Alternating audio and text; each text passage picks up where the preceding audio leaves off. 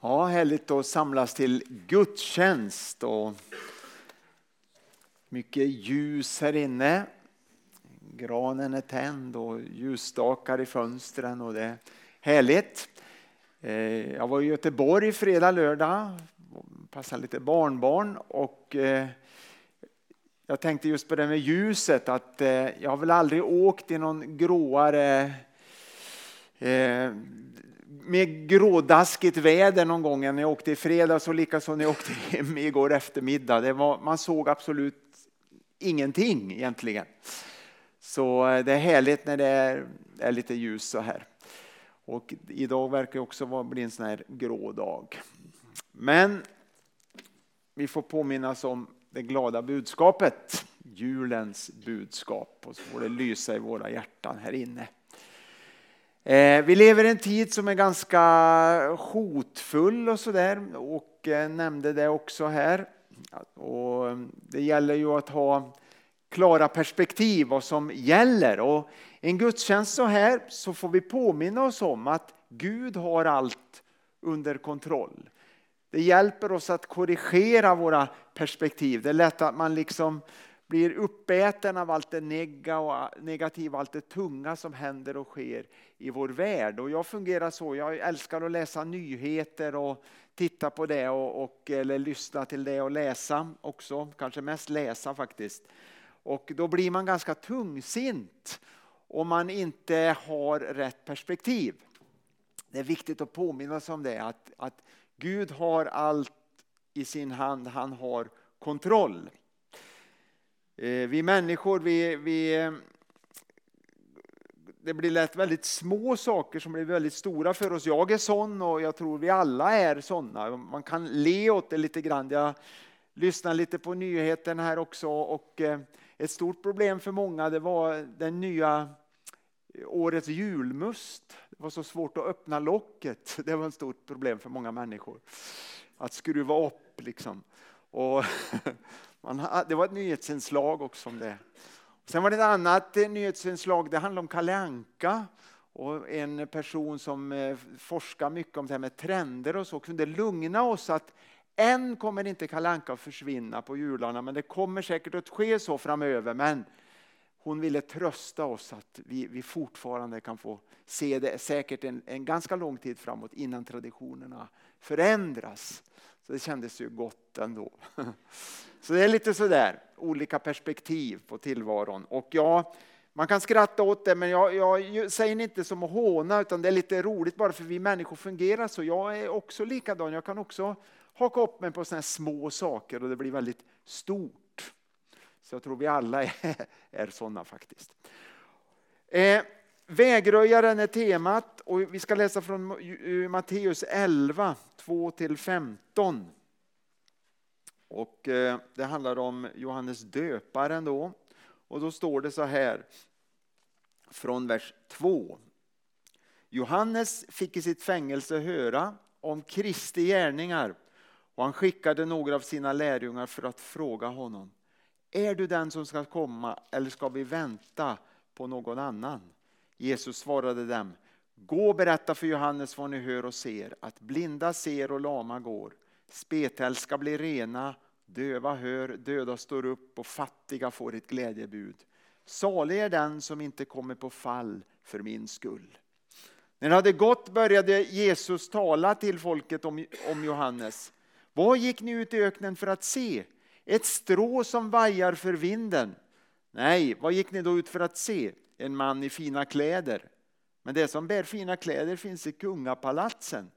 Vad gick ni då ut för att se? En profet? Ja, och jag säger er, en som är mer än profet.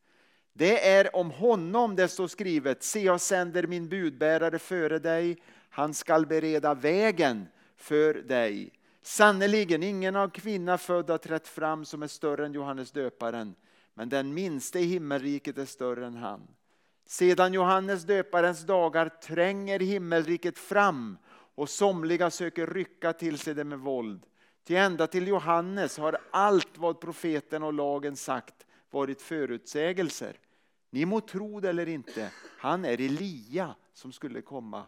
Hör du som har öron. I Jesu namn ber jag dig att du välsignar ditt ord idag på våra hjärtan. Vi lägger detta i dina händer. Och fortsättning av den här gudstjänsten och när vi ska fira din måltid också. Vi ber dig om det i Jesu namn. Amen. Ja, det budskapet handlar om att Guds rike är här. En ny tid är här. Det är det som den här bibeltexten talar om. Och det var det som profeterna i Gamla Testamentet hade förutsett och förutsagt att det kommer en ny tid. Det kommer en Messias, det kommer en frälsare till den här världen som ska rädda mänskligheten. Det är det som den här texten egentligen handlar om. Den nya tiden är här, det profeterna förutsåg och man längtade efter också. Profeterna i Gamla Testamentet, flera hundra år tidigare, de längtade efter det här. Det står så här i Matteus, vi ska läsa det också ett par versar, 13 kapitlet, vi går fram lite. 16 till 17 så står det så här.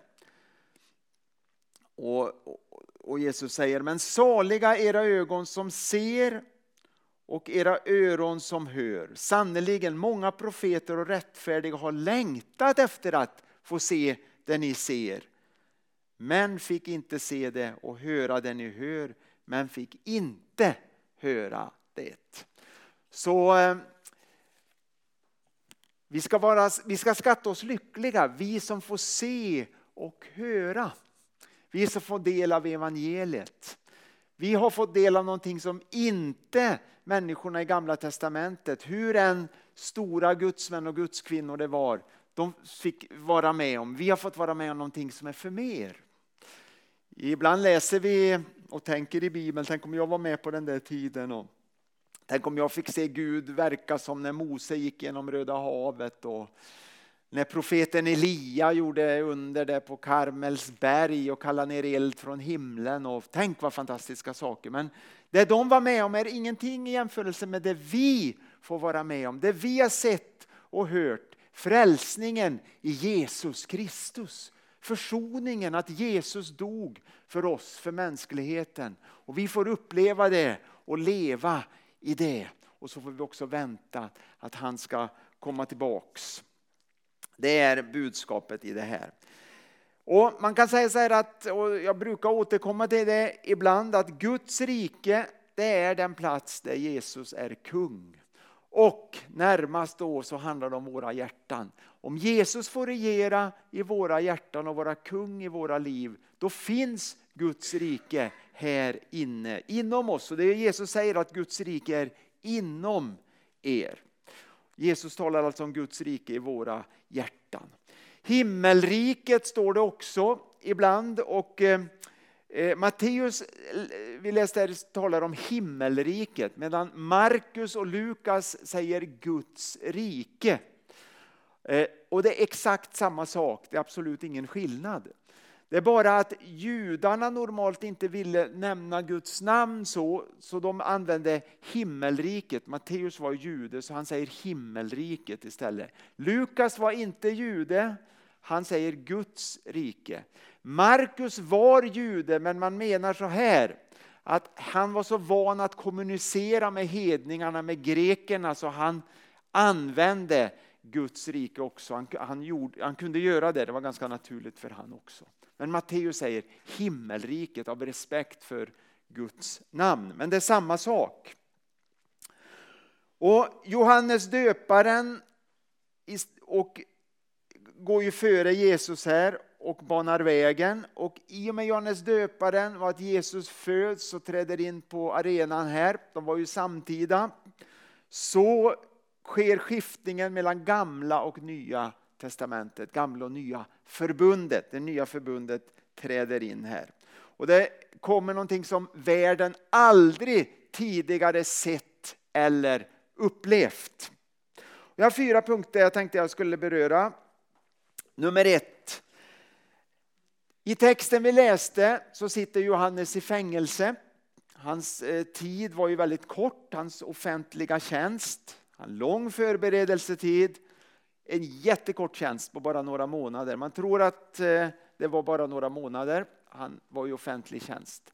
Han var 30 år, han var ju sex månader äldre än Jesus. Det förstår vi också när vi läser i evangelietexten hur det gick till. Han föddes, det var också väldigt märkligt. Eh, även om det inte går att jämföra med när Jesus föddes, men ändå. Johannes döparens födelse är väldigt, väldigt märklig också. Som vi läser i början på Lukas. Då. Men eh, Johannes hamnar i fängelse, kung Herodes sätter honom där och sen blir han ju avrättad så småningom. Och han skickar sina lärjungar, skickar bud Johannes. Han hade ju flera lärjungar, några av dem blev Jesu lärjungar sen. Och, och, men eh, en del var fortfarande Johannes lärjungar. Men han skickar dem till Jesus. Och så frågar han om, om, de, om han är den som skulle komma eller om man ska vänta någon annan. Och Johannes visste ju det, att Jesus var rätt. Men ändå så skickar han lärjungarna. Han har ju varit med om så mycket och sett så mycket. Men ändå så skickar han sina lärjungar och frågar. Och då säger Jesus så här. Gå och berätta vad ni hör och ser. Säger han till Johannes sändebud, lärjungarna då som Johannes skickade. Och det berättas ju om det att, att människorna de häpnade över Jesu undervisning. Det var en ny undervisning, det var en annorlunda undervisning som inte hade, man hade hört tidigare. Det var verkligen någonting nytt. Inte egentligen i första hand eh, teologiskt något väldigt nytt och häftigt och inte kanske det vältaliga, även om Jesus var, talade väldigt väl, det gjorde han helt säkert. Men det var en auktoritet och en kraft och det manifesteras med tecken och under. Det var något helt annat, något helt nytt än människorna hade upplevt tidigare. Han undervisar med makt, står det. Det var kraft bakom hans undervisning. Så det var någonting helt unikt och revolutionerande. Så det var inte bara en ny lära eller en ny politisk ståndpunkt som människorna fick lyssna till. Så Jesu hälsning till Johannes i fängelset, gå och berätta vad ni hör och ser. Och det är evangelium. Vi hör och vi ser också. Vi lyssnar inte bara, även om det är fantastiskt, men vi får också se saker ske, saker hända när vi tror på Jesus och när vi lyssnar till honom. Det får du och jag också erfara. Och det är fantastiskt. Det andra jag tänkte på, då kan man undra sig varför frågar Johannes det? För han visste ju egentligen, det kan man fundera på. Är du den som ska komma eller ska vi vänta någon annan? Det var hans fråga. Började han tvivla, började han fundera på om det här verkligen var sant? Kan en som Johannes döparen göra det? Att jag och du kan tvivla, det, det kanske inte är så konstigt, men Johannes döparen som var med om så mycket. Han har ju verkligen sett saker och, och visste vad det handlade om. Men det kan komma tvivel ändå ibland, verkar det som. Och det kan finnas kanske några olika orsaker till varför han skickade sina lärjungar. Någon orsak kan ha med hans tvivel att göra, men det kan finnas andra orsaker också. Jag ska bara ge tre kanske förklaringar, men det kan finnas fler också. Kanske var det så här att det var Johannes lärjungar som behövde se och höra. Johannes kanske menade att, eller sa till dem att gå och kolla upp själva. Kanske det var lärjungarna, alltså Johannes döparens lärjungar, som började tvivla och undra om Jesus var Messias. Och då kanske, det är ju lite spekulation då, men kanske Johannes sa att gå och kolla upp själva. Gå och se, gå och lyssna direkt. Så kommer ni att få svar och få bekräftelse. Och det är ett effektivt sätt. När människor frågar oss och pratar om, om, om kristendomen är sann och Jesus är en verklighet, om Gud finns, så är det ju väldigt effektivt om man kan säga till en människa att pröva själv. Testa själv om Jesus är verklig. Det har du säkert sagt till någon person någon gång.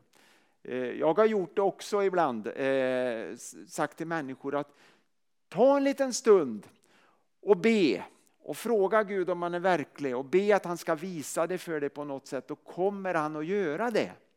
Och Jag tror att det fungerar så. Om en människa är ärlig och uppriktig och söker Gud, då kommer Gud att visa att han är verklig. Så att gå och kolla själv, det var ett bra, ett bra råd här till lärjungarna. Men det kan också vara så att Johannes hade blivit otålig när han sitter i fängelse. Vem skulle inte bli det om han satt inlåst? Han kanske funderar att när blir det lite action, när börjar det hända någonting? Och vi lever väldigt många gånger i en instängd värld. Eh, inte bara fysiskt som Johannes utan psykiskt och andligt kan det bli att vi lever väldigt instängda. Vi får inte de här perspektiven på tillvaron, Guds perspektiv. Men Gud han vill lyfta oss ur vår trångsynthet så vi blir vidsynta, så vi förstår vad som händer och sker. Och Bibeln talar ju om det att den heliga Ande vill upplysa oss och visa oss vad, vad, vad sanningen är, så vi ser ljuset, så vi förstår. Så det är väldigt lätt att vi blir väldigt så här trångsynta, även som eh, Jesu lärjungar. Men den heliga Ande vill förnya oss så vi får en ny, nya perspektiv. Vi ser inte vad som händer utanför. Vi har egna föreställningar som begränsar oss. Och Det är väldigt lätt att bli begränsad. Jag känner det själv och jag tror du också har känt det ibland, att man blir begränsad. Man ser inte vad som händer och sker runt omkring. Men Gud vill hjälpa oss så inte vi blir begränsade. Men sen kan det också vara en till orsak. Kanske ville Johannes få en bekräftelse på det han trodde och hoppades. Han behövde en bekräftelse. Han visste vad som var sant men han behövde ändå en extra bekräftelse, ett extra tilltal från Herren. En hälsning från Gud och så kan det vara i våra liv att vi behöver det. Och eh, ibland tycker vi att, att Gud visar sig alldeles för lite och alldeles för sällan för oss. Och vi längtar efter, efter någon tydlig bekräftelse att, att Gud verkligen har hört mina böner, han kommer svara på min bön eller att han finns och att han leder mig på rätt väg. Jag tror det är så, så här att, att, eh, och det är nog en erfarenhet som många har gjort, att ju mer rotad man är i sin kristna tro, kanske man får vara med om mindre sådana här dramatiska saker i sitt liv. Det låter ju tvärtom vad många tänker. Men jag tror att det kan vara så. Det är inte att man inte får uppleva Guds tilltal och Guds ledning och få vara med om be för människor och se under. Det är inte det jag talar om. Men de här lite starka uppenbarelserna, man kanske, vi hör ibland att människor får se syner, man har väldigt tydliga drömmar och det är fantastiska saker. Men många gånger tror jag Gud låter människor få uppleva det för att man är svag i tron. Man har inte så mycket erfarenhet, man är bräcklig.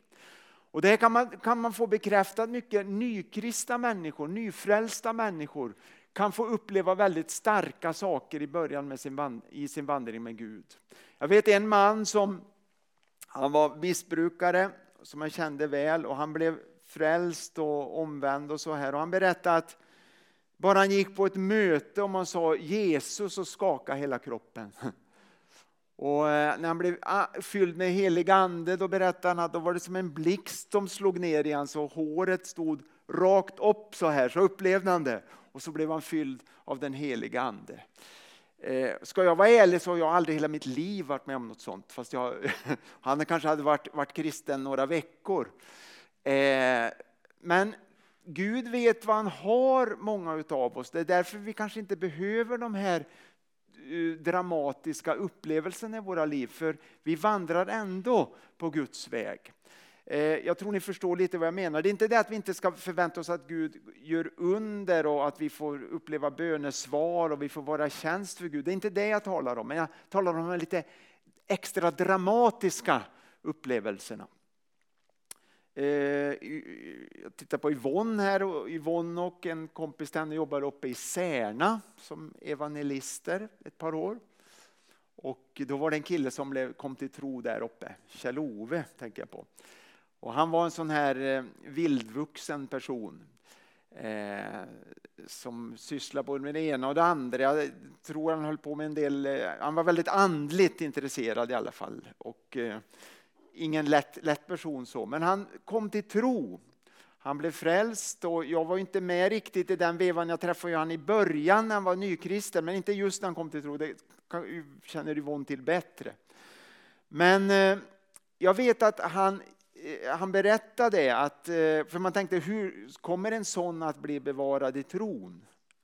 Det finns ju nästan inga jämnåriga som är kristna där han bor.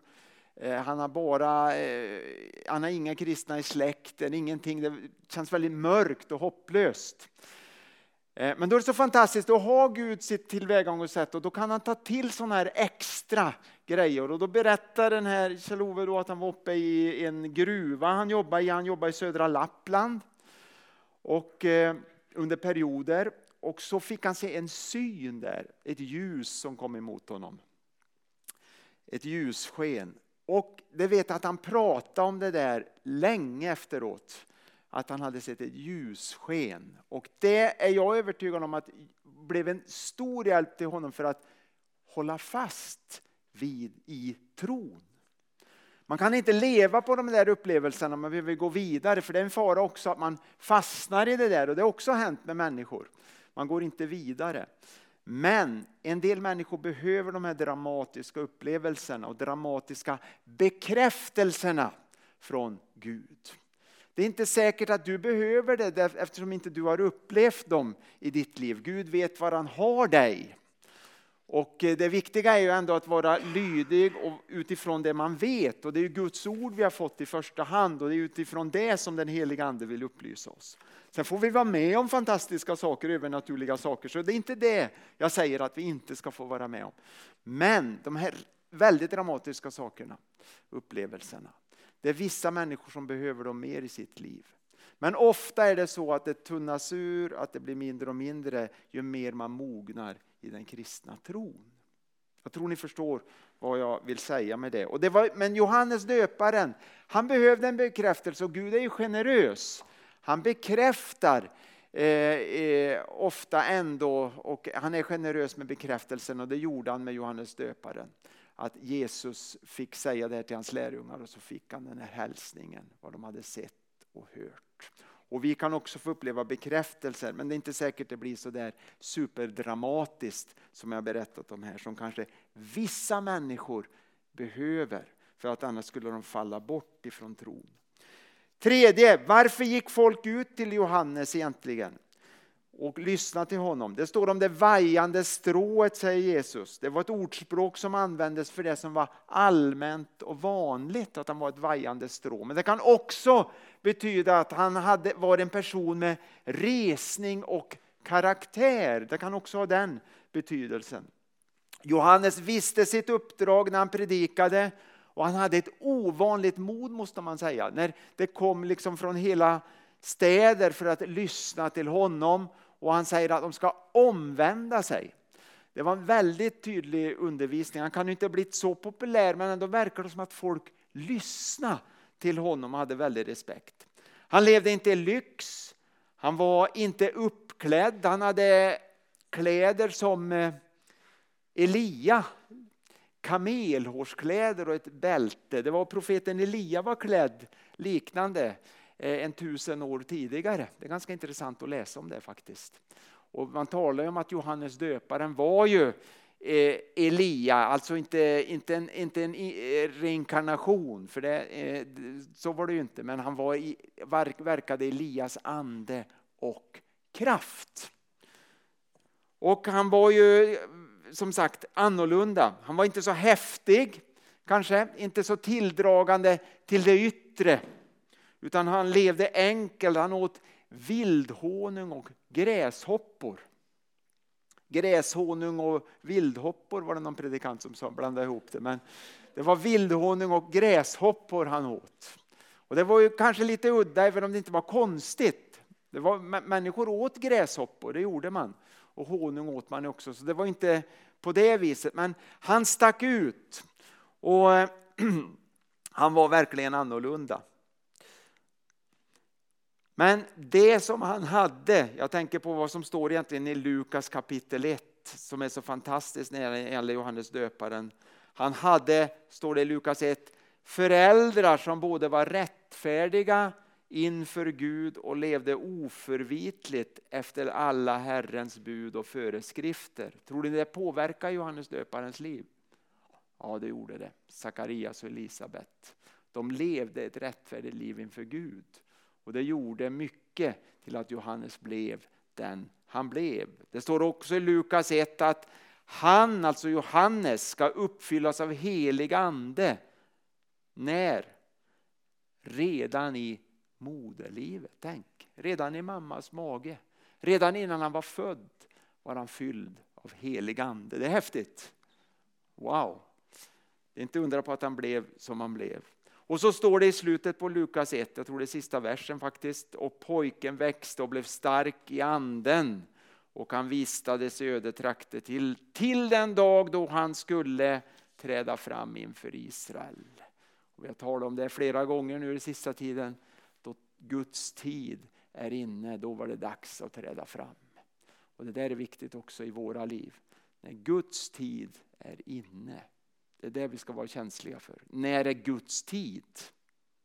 När är Guds tid? Att vi hittar, att vi blir lyhörda för det. I, i våra liv också, när, Guds, när är Guds tid? Johannes var en profet. Han hade ett budskap från Gud och han ägde kurage till att framföra det. Han hade Guds vishet, förstår vi, och han hade Guds sanning. Men samtidigt säger Jesus att han var mer än en profet. Och vi var inne på det att judarna trodde ju att Elia skulle komma före Messias. Elia var ju den största profeten för det judiska folket. Och man, profeterna talade om att Elia skulle komma innan Messias trädde fram. I Elias ande och kraft skulle den profeten verka och det var Johannes. Så det ingick i Guds plan och i Malaki 3 och 1, jag vill läsa det. Vi var inne på det också, det här, eh, eller Åke var inne på det. Att eh, det var ju några hundra år där som var tyst. Och det var 400 år innan här så säger Malaki så här innan Nya Testamentet, det är ju sista boken i Gamla Testamentet. Se jag vänder min budbärare, han skall bana väg. Se jag sänder min budbärare, han skall bana väg för mig, säger Malaki. Vi kan stanna där, vi vill inte läsa hela versen. Så han förberedde vägen för Jesus. Och Jesus beskriver Johannes på ett fantastiskt sätt. Det står så här i den texten vi läste inledningsvis i Matteus. Ingen av kvinna född har trätt fram som är större än Johannes döparen. Det finns ingen. Ingen. Johannes döparen är den störste. Och så slutligen, nummer fyra. Den minste i himmelriket är större än Johannes döparen, säger Jesus. Det fattas någonting väsentligt hos Johannes döparen också. Vad kan det vara? Vad kan det vara som fattas i Johannes döparen och i hans erfarenhet? Jag var inne på det innan i början av predikan, vad profeterna också inte hade upplevt och varit med om.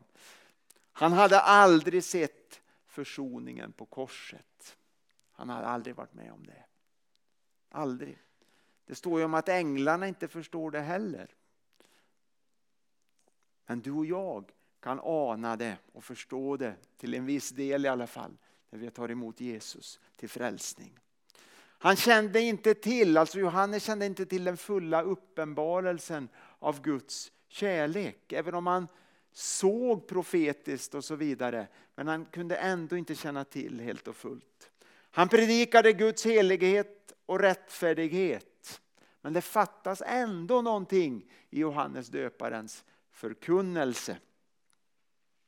Den minste i Guds rike känner till mer om Gud än den största profeten i Gamla Testamentet. Så skulle man kunna sammanfatta det.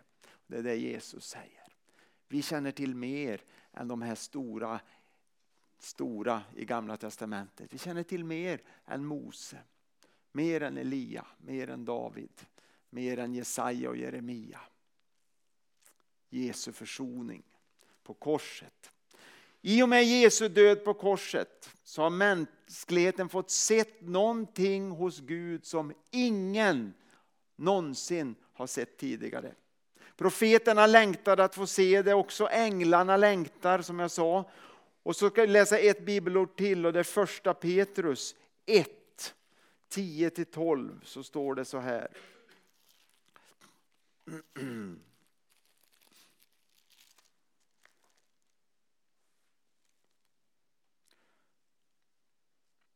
Det var denna räddning som profeterna sökte och forskade efter när de profeterade om den nåd som ni skulle få. Det ville utröna vilken och vad slags tid som Kristi ande i dem syftade på när den förutsade det lidanden Messias måste utstå och den helighet som skulle följa. Och så kommer det tolfte versen där. Det uppenbarades för dem att det inte var sig själva utan er som de tjänade med sitt budskap. Detta har nu kungjorts för er av dem som i helig ande sänd från himlen kommit till er med evangeliet. Detta som änglarna längtar efter att få blicka in i. Vilken fantastisk bibeltext egentligen. En ny tid är här. Johannes döparen banade väg för Jesus, för Messias. Vi får se, vi får erfara någonting som profeterna såg framför sig skulle ske, framför sig i tiden.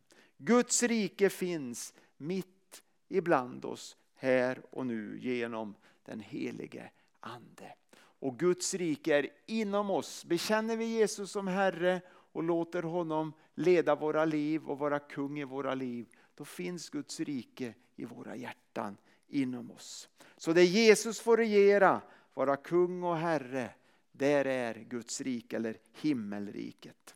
Samtidigt väntar vi på dess totala fullbordan och det sker ju när Jesus kommer tillbaks. Så det är också en påminnelse om att han ska komma tillbaks och upprätta det helt och fullt. Men redan nu under 2000 år har mänskligheten levt eh, mitt, och fått uppleva att Guds rike är mitt ibland oss här och nu.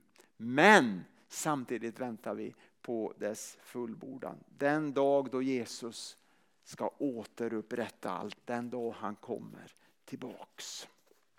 Det får vi också påminna oss om. Ska vi be tillsammans? Tack Jesus för den här förmiddagsstunden. Tack att vi får läsa ditt ord och påminna oss om din, din sanning, vad ditt ord säger Herre. Tack att du vill uppmuntra oss Herre och tack att ditt rike är här mitt ibland oss. Tack att vi får lära av det vi läste, tack att vi får lära oss av Johannes tjänst. Att han fick förbereda vägen Herre. Tack att vi får förbereda våra hjärtan för, för dig Herre, för din ankomst. Och tack att du har redan kommit och du kommer till oss varje dag Herre. Men du ska komma tillbaks också en gång för alla. Tack att vi får vänta på den dagen Herre. Hjälp oss att inte förslöas, hjälp oss att inte tappa perspektivet, hjälp oss att inte bli distraherade av allt som händer och sker, utan hjälp oss ha ditt perspektiv, Herre. Hjälp oss att leva i din sanning och i ditt ljus, Herre. Vi ber dig om det. Tack att du vill hjälpa oss och möta oss. Och tack att du välsignar också stunden nu när vi bryter brödet och dricker vinet. Tack att vi får glädja oss över vad du har gjort på korset för våran skull. I Jesu namn. Amen.